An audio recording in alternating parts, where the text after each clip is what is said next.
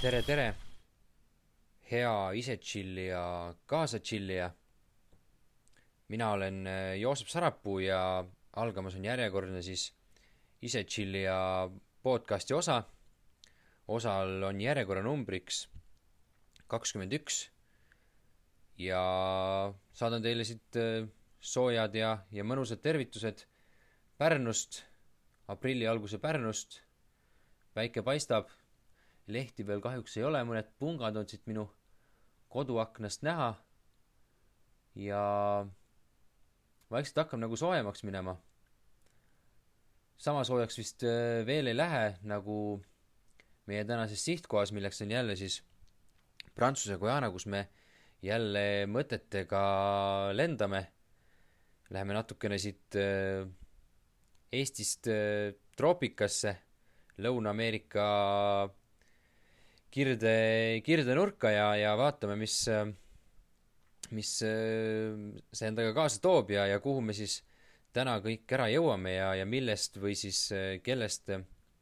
juttu tuleb. aga jah,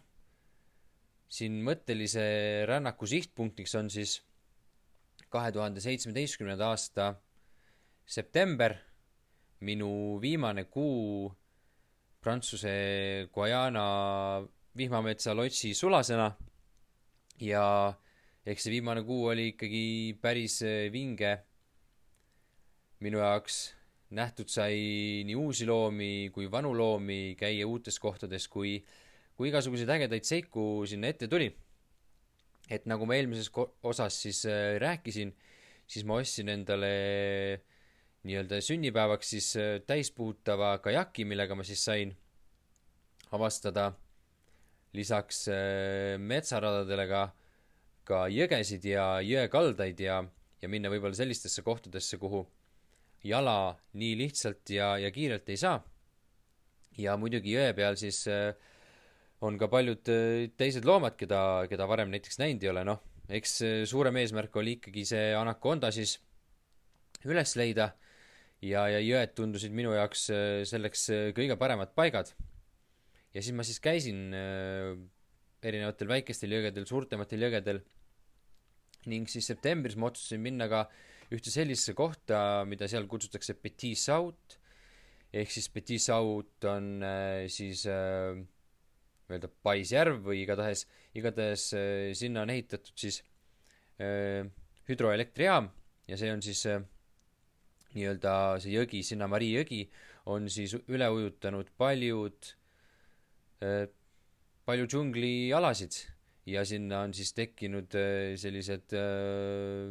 mõnusad kohad, kus saab ka siis paadi või kajakiga ringi käia ja sealt saab minna ka sellises, sellistesse väikestesse küladesse, mis seal siis ääres asuvad. mina läksin lihtsalt siis oma kajakiga sinna, ma noh, minu lotsist oli see umbes kahe tunni sõidu kaugusel Läksin sinna, parkisin auto ära ja, ja pumpasin oma täispuhutava kajaki täis ja siis äh, läksin sinna avastama seda järve peale. ja, ja jah, et see oli veidikene natukene nagu kuskil müstilises äh, ulmefilmis nägi see kõik välja, et, et äh, sellest ajast, kui seal veel päris džungel peal kasvas ja, ja see hüdroelektrijaam ei olnud veel üle ujutanud seda ala siis sellest ajast on järgi jäänud sellised kuivanud äh, puud seal vee sees, et niimoodi sellised püstised äh, vertikaalsed tornid lihtsalt kujud tulevad veest välja ja, ja ümberringi on sellised natukene müstilised džunglisaared, kus äh, võivad olla igasugused ägedad äh, elukad äh, oma süüa otsimas või, või pesa tegemas või lihtsalt puhkamas. Ja, ja, ja see oli selline väga lahe maastik seal. mulle, mulle meeldis jah, eks ma siis äh, seal vahel niimoodi ringi käisin, ega ma muidugi kõike seda ala siis läbi kajakitatud ei saanud, et see on ikkagi üsna suur ja, ja üksinda seal uhada ei ole ka kõige lihtsam äh, laus päikese käes. no eks ma siis vaatasin, kus mul parem tundus ja, ja kus võis midagi ägedat leida. ja jah noh, siis äh, vahepeal äh, nii-öelda läksin mingisugusele džunglisaarele, siis äh, ronisin mööda neid äh, kuivanud puid äh, ülesse ja, ja vaatasin, vaatasin natukene kõrgemalt seda äh, Paisjärve siis ja, ja väga tore moment oli, kui ma olin seal kuskil vee peal, siis ma järsku hakkasin kuulma möirahve, kes seal kuskil mingisugusel džunglisaarel või siis, või siis kalda peal mõnusasti mulle laulsid.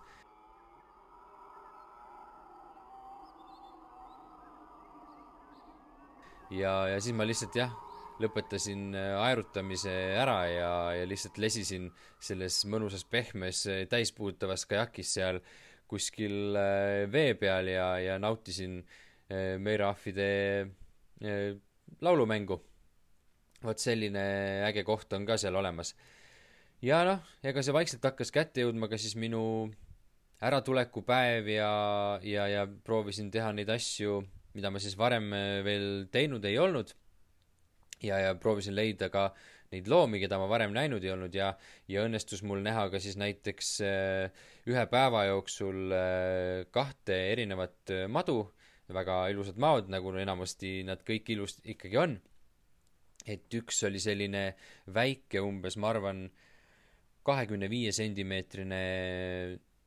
peenike madu, mis, mille ladina keele nimi on siis Tantilla melanocephala, et on selline hästi väike pruun musta peaga madu, kes siis toitub enamasti putukatest ja, ja skorpionitest ja sellistest selgrootutest, et tema lihtsalt ei ole võimeline oma suuruse tõttu suuremaid palukesi ära sööma. Ja siis tal on see Äh, ise on ta niisugune helepruun, tal on must pea ja siis selle musta pealt jooksevad siis mööda keha jooksevad sellised pikki, äh, sellised mustad triibud ka samamoodi, et selline natukene ähm, teistsugune madu, et tavaliselt äh, nii, niipidi need triibud madudel ei jookse, aga, aga sellel jooksis ja mul olid seal samamoodi turistid ka lotsis putukaid püüdmas, siis nad olid ka väga vaimustuses nende sellest maost ja ja, ja soovisid, et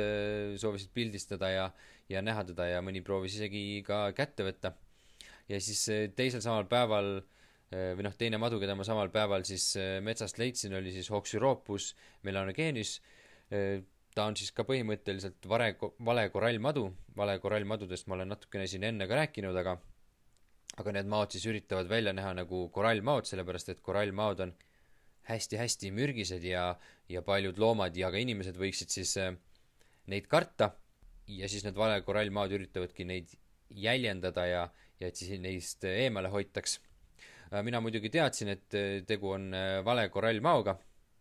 Äh, esiteks need äh, heledad ringid, mis tal seal musta keha peal on, need ei jooksnud väga kokku ja, ja olid sellised natukene mitte nii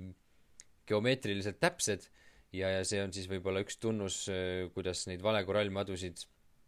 nagu ära tunda, aga, aga lihtsalt jah, noh, ma teadsin, ma vähemalt ma teadsin neid äh, korallmadusid kõiki peast, kes seal äh, Prantsuse Guajanas elada võivad ja see ei olnud üks nendest. et see vale, valekorallmadu, see nägi täpselt välja nagu noh, mitte täpselt, aga väga-väga sarnane meie nastikule, et tal oli ka selline hästi tume keha, peakuju oli hästi sarnane meie nastikule ja samamoodi siin kukla peal olid siis kaks äh, sellist äh, kollast täppi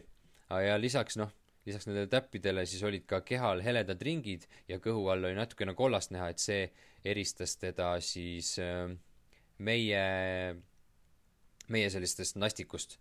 aga muidu, muidu hästi-hästi sarnane ka, et, et pärast vaadake Facebookist või Instagramist pilte ka, et panen need pildid ka sinna ja, ja siis saate täpselt näha, milline see äh, madu siis äh, ka välja, välja nägi mm,. jah, ja kui minu aeg hakkas siis seal prantsuse keeles läbi saama, siis äh, loomulikult äh, tuli ka siis sinna järgmine tööline, kelleks oli siis Keili, üks samamoodi üks eestlane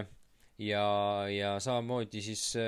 noh, näitasin talle ka seda džunglit ja loodust ja, ja siis meil oli võimalus ka võtta meie sõbra Bernardi käest ka paat ja, ja minna siis nagu tugevam paat ja minna siis sellistesse kohtadesse, kus võib-olla oksad sind ka võivad natukene kriipida, aga, aga siiski saad edasi sõita. ja siis me läksimegi selle Gabrieli jõe lõppu päris sinna, kus äh, vesi ulatub ka metsa sisse ja siis me sõitsime seal metsa vahel selle paadiga siis ringi, et seal oli jah, niisugune üks mõnus kanal läks sealt läbi, et vahepeal on see kanal nii-öelda siis üle ujutatud, et saab päris metsa vahel sõita, aga seal on eksimisvõimalus ka ikkagi päris suur. ja mis me siis tegime, mida ma ei olnud varem siis äh, väga palju teinud, siis me hakkasime ka püüdma kala. istusime seal umbes, ma arvan, pool tunnikest selle väikse kanali ääres ja noh, ma arvan, et see kanal võis olla lai umbes maksimum äh, kolm meetrit äkki, aga kala seal oli küll. Äh, minul nii hästi ei läinud, et mina sain umbes kaks sellist väikest kala, kes olid umbes, äh, ma arvan, mingi viieteist sentimeetri pikkused, aga Keilil õnnestus saada kolm päris arvestatavat kala, no ma arvan, et mingi kolmkümmend, nelikümmend sentimeetrit ikka, et kaks kala nägid välja sellised hästi jõhkrad, et äh, Jõhkras tegi just see, et neil olid meeletult äh, teravad hambad ja, ja nad olid nagu sellised üksikud ja, ja sa nägid seda mõnus väikest äh, kolmnurka ja siis kui ma selle kala sealt kätte võtsin, siis ta laksutas oma neid huuli päris kõvasti ja, ja hammustas isegi oksi katki, et sellised noh, natukene piraaja moodi hambad, aga, aga ta piraajad ei olnud, et oli selline piklik kala et piraadid on natukene ümaramad. Ja siis äh, Keilil õnnestus veel saada mm, kätte ka üks selline säga, säga moodi kala, et selliste pikkade vuntsidega. et äh, vot isegi sellises väikses kohas võib neid kalu äh, igal pool olla ja, ja leida. Ja pärast me muidugi need grillisime need äh, kalad ilusti kodus ära ja, ja maitsesime jah, maitses nagu selline kala, natuke oli ikkagi muda maitset tunda, sest et ilmselt see äh, kraavikene või kanalike ei olnud kõige äh, parema veesüsteemiga, aga, aga sellegipoolest äh, tasus, äh, tasus maitsta ja kindlasti see püüdmise osa oli ka väga mõnus ja mm, uudne ja huvitav. kindlasti see tekitas ka natukene rohkem sellist hasarti selle kalapüügi vastu, et noh, et tegelikult ei ole ju väga raske neid püüda, vähemalt meile tundus sellel hetkel seal, ja, ja teades, millised kalad seal tegelikult igal pool äh, ookeanis ja jõgedes on, siis siis äh, noh, tahaks äh, ju vaadata ja, ja püüda neid ja, ja noh, mingisuguse meetrise kala oleks ju, oleks ju päris vinge kätte saada või siis näiteks rai ja kindlasti noh, piraaja oleks väga huvitav kala, mida kindlasti seal püüda, et piraajal pidi olema päris hea maitsega aga tal pidi olema ka hästi palju luid, et seda ma olen kuulnud. aga nüüd kahjuks ise ei ole veel äh, söönud ega ka püüda saanud ja, ja kui, kui ikka juba nii-öelda grillima hakata või süüa, siis äh, tahaks ju ka ise selle kala ikkagi püüda, siis see on nat-, natukene võib-olla erilisem äh, tunne ja nii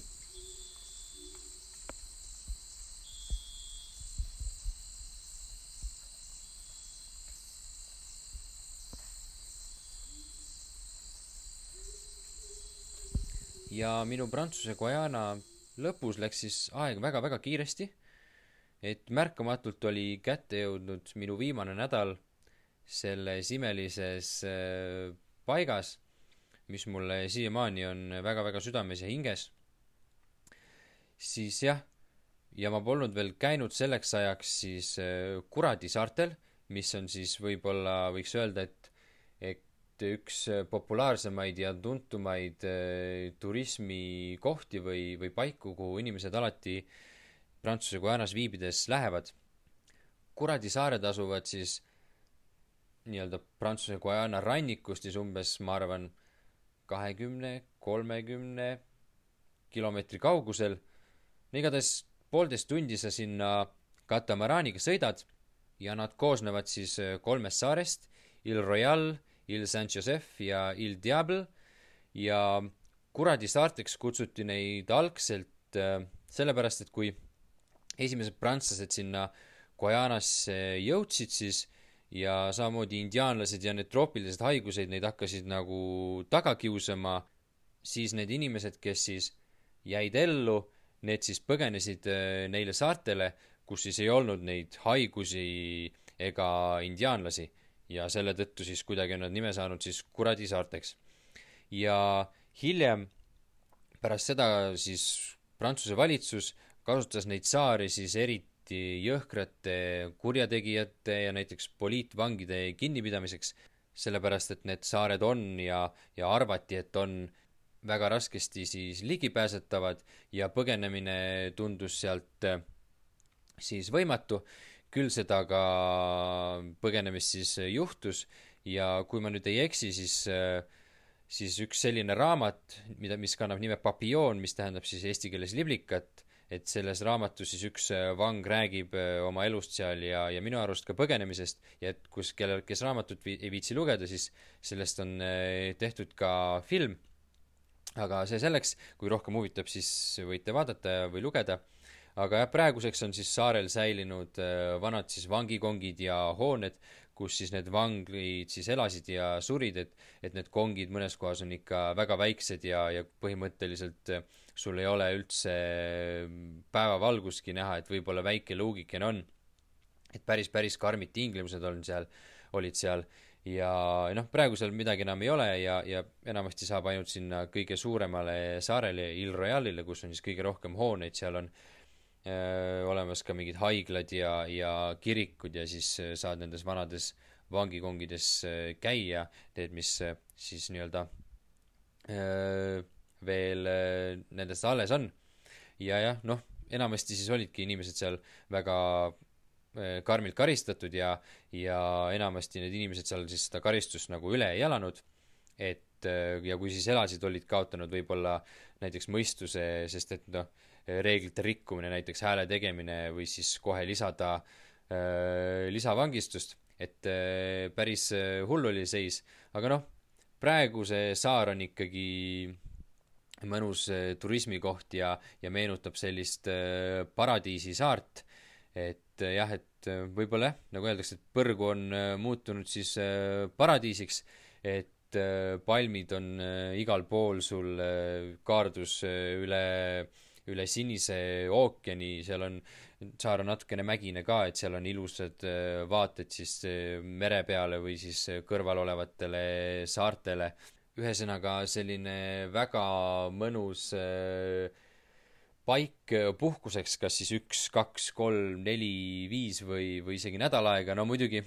enamasti ega seal väga palju nagu teha ei ole, kui lihtsalt ollagi lesida ja ujuda ja, ja noh, saar on ikkagi selles mõttes suhteliselt väike, et sa teed võib-olla tunni-paariga rahulikult kõndides teed sellele saarele nagu tiiru peale, aga noh, usun, et sõpradega saab tšillida ja, ja on mitmeks päevaks kindlasti ka mingit tegevust olemas. Ja no minule pakkusid muidugi tegevust äh, ka need olendid, kes seal siis äh, saare peal äh, ringi luusisid või siis vees, et seal ookeani ääres olid suured kivid, mida siis lained peksis nende mustade kivimite peal, siis võtsid päikest näiteks roheleeguanid, neid oli seal väga-väga palju. Ja jah, oli mõnus vaadata, neid polnud varem nagu seal džunglis näinud. Vahepeal pistsid pea veest välja ka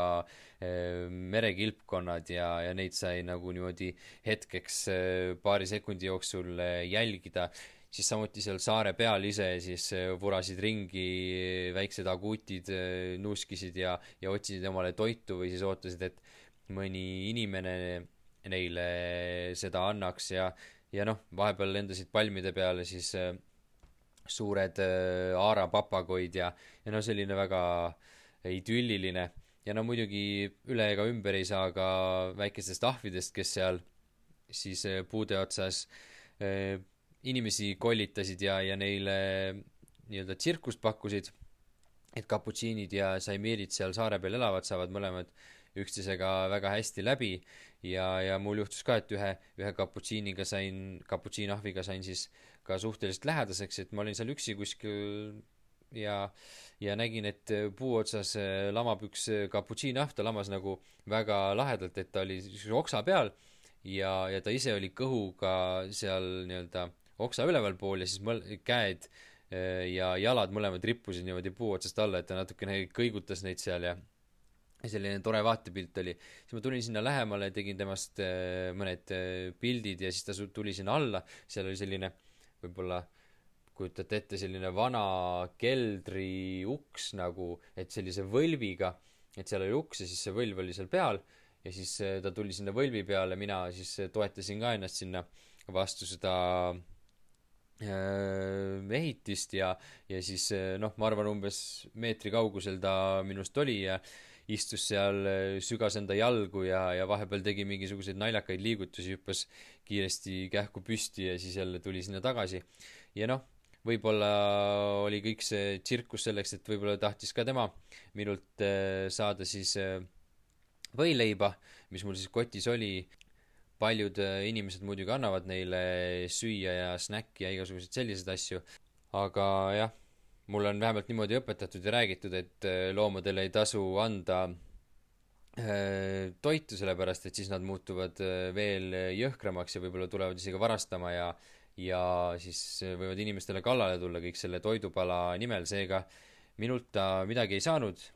mina sain temast head pildid ja, ja mõnusa kogemuse. ja ka jah, ma siis olingi, käisin ringi, vaatasin neid vanu vanglahooneid, proovisin loomadega sõbraks saada ja jah, võtsin päikest mõnusalt ja, ja ujusin, et, et minu jaoks see üks päev oli täiesti piisav seal saarel, et õhtul tulin siis äh, koju tagasi. aga kindlasti väärt äh, kogemus ja, ja kui keegi satub äh, Prantsuse Guajanasse, siis soovitan minna. et natukene võib-olla noh, ma muidugi ei tea, mis teie teete, aga, aga minul oli sellest džunglist selline hea mõnus äh, vaheldus, et sain nagu nüüd Paradiisisaarel mõnusalt lebotada. muidugi lebotanud olen ma seal ikkagi igapäevaselt ka.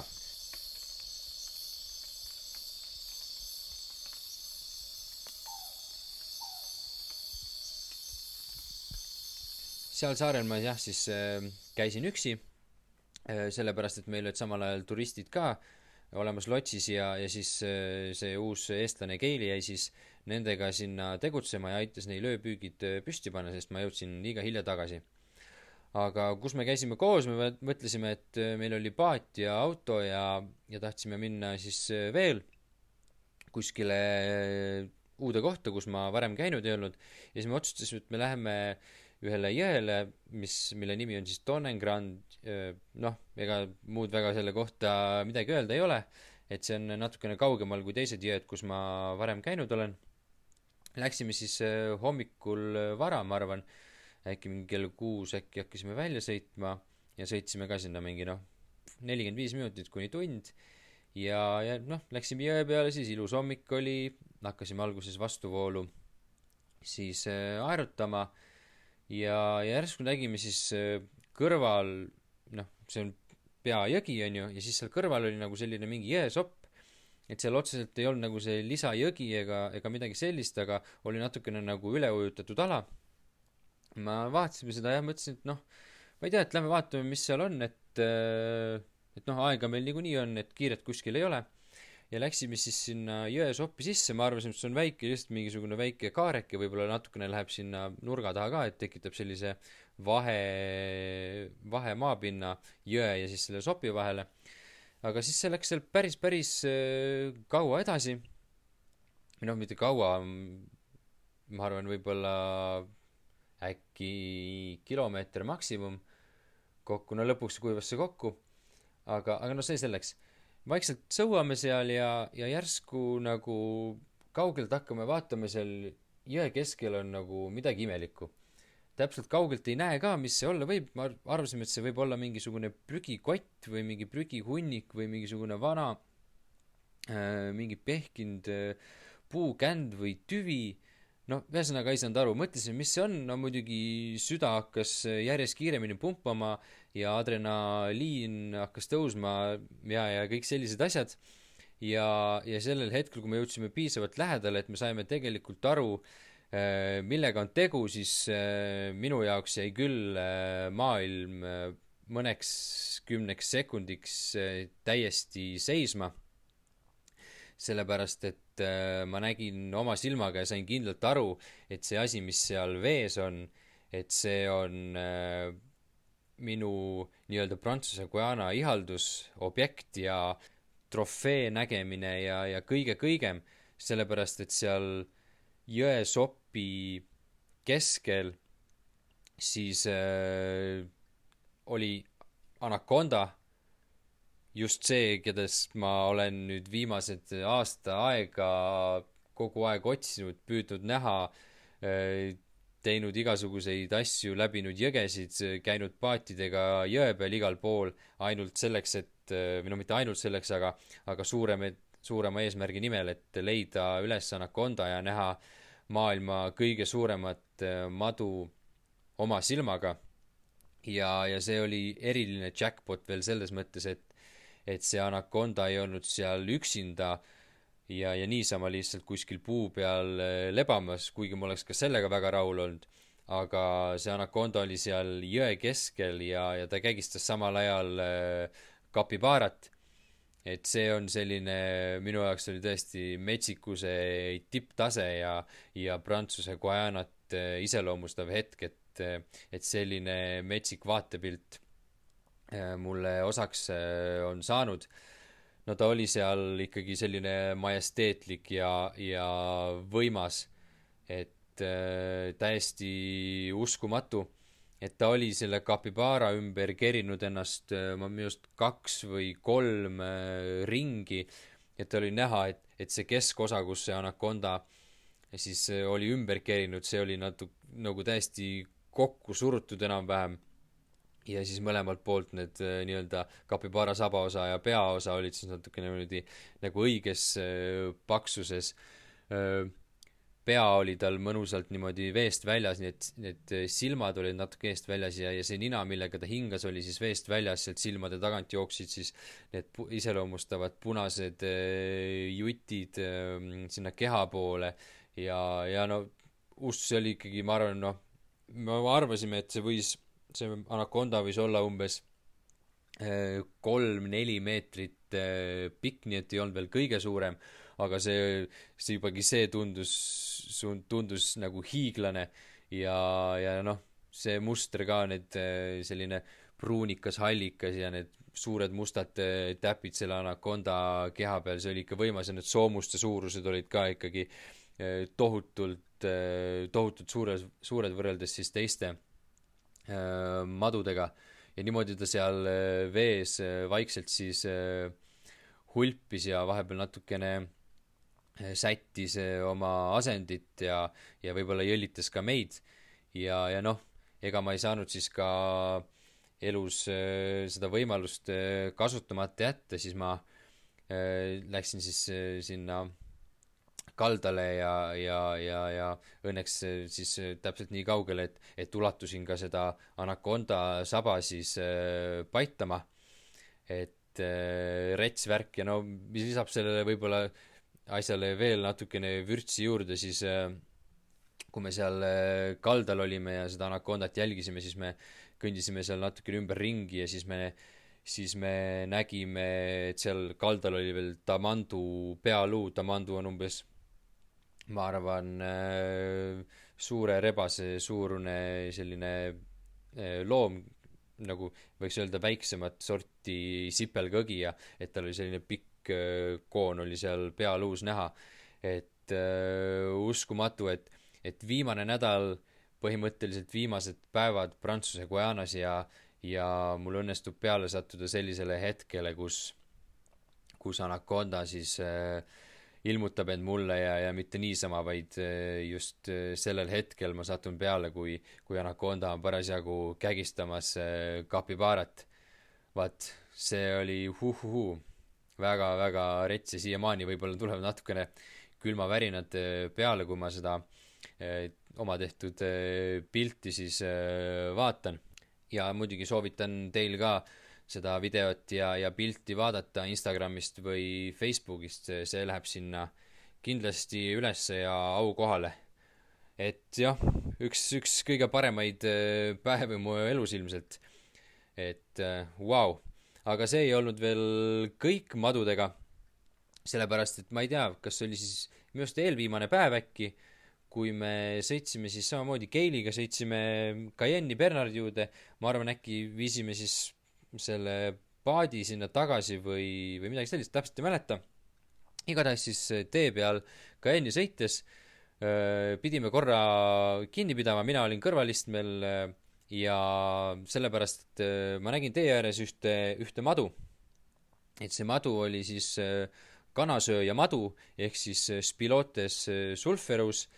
see madu on päris, päris pikk, ta võib kasvada kuni kolme meetri pikkuseks, ma arvan, meil oli see umbes sihuke nibin-nabin äh, kaks meetrit. ta on pealtpoolt selline rohekas hallikas ja, ja kõhu alt on natukene kollane. no muidu selline kuju on nagu tavalisel maol, sihuke piklik, võib-olla pea on natukene eristav. aga jah, mis oli sihuke väga huvitav, oli see, et et kui ta tunneb ennast natukene ohustatud või on ärevil, siis talle lõua alla tekib selline muna või selline lõualott, sihuke hästi-hästi suur, et pildi pealt pärast vaadake, et eh, see oli selline huvitav. ja no ma mõtlesin, et eh, noh, kuna meil on eh, lotsis turistid ja, ja nad on kindlasti madude üle õnnelikud ja nad on seda varem olnud ja, ja siis ma võtan selle mao siis kaasa. et mul tavaliselt autos ikka oli liblikavõrk ja, ja, ja et noh, enam-vähem sellisteks äh, momentideks või siis äh, muudeks momentideks, kes teab, millal vaja võib minna, siis ma püüdsin selle mao sinna liblikavõrku ja, ja noh, keerasin talle paar siukest äh, sõlme peale sinna, liblik-, liblikavõrgule siis, mitte maole, ja, ja panin ta siis rahulikult sinna pagasnikusse. Ja siis me sõitsime siis Cayenne'i edasi. Kõik oli ilus, tore, rääkisime juttu seal, peaaegu jõudsime juba linna sisse, aga siis juhtus selline asi, et ma kuulsin oma elus ilmselt eh, kõige valjemat eh, kiljatust üldse.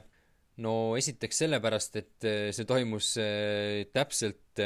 minu kõrval, ehk siis kiljataja oli Keili, kes istus roolis ja mina olin siis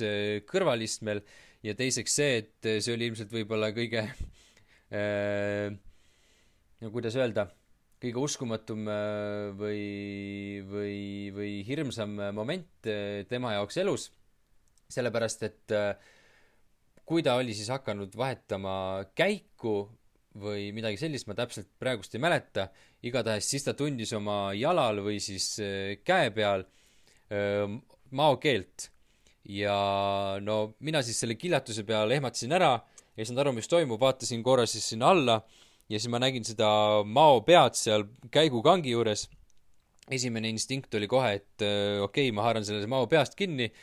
Õnneks äh, haarasin täpselt õigest äh, kohast ja, ja kõik läks hästi ja nii me siis sõitsime nii-öelda ehmatuses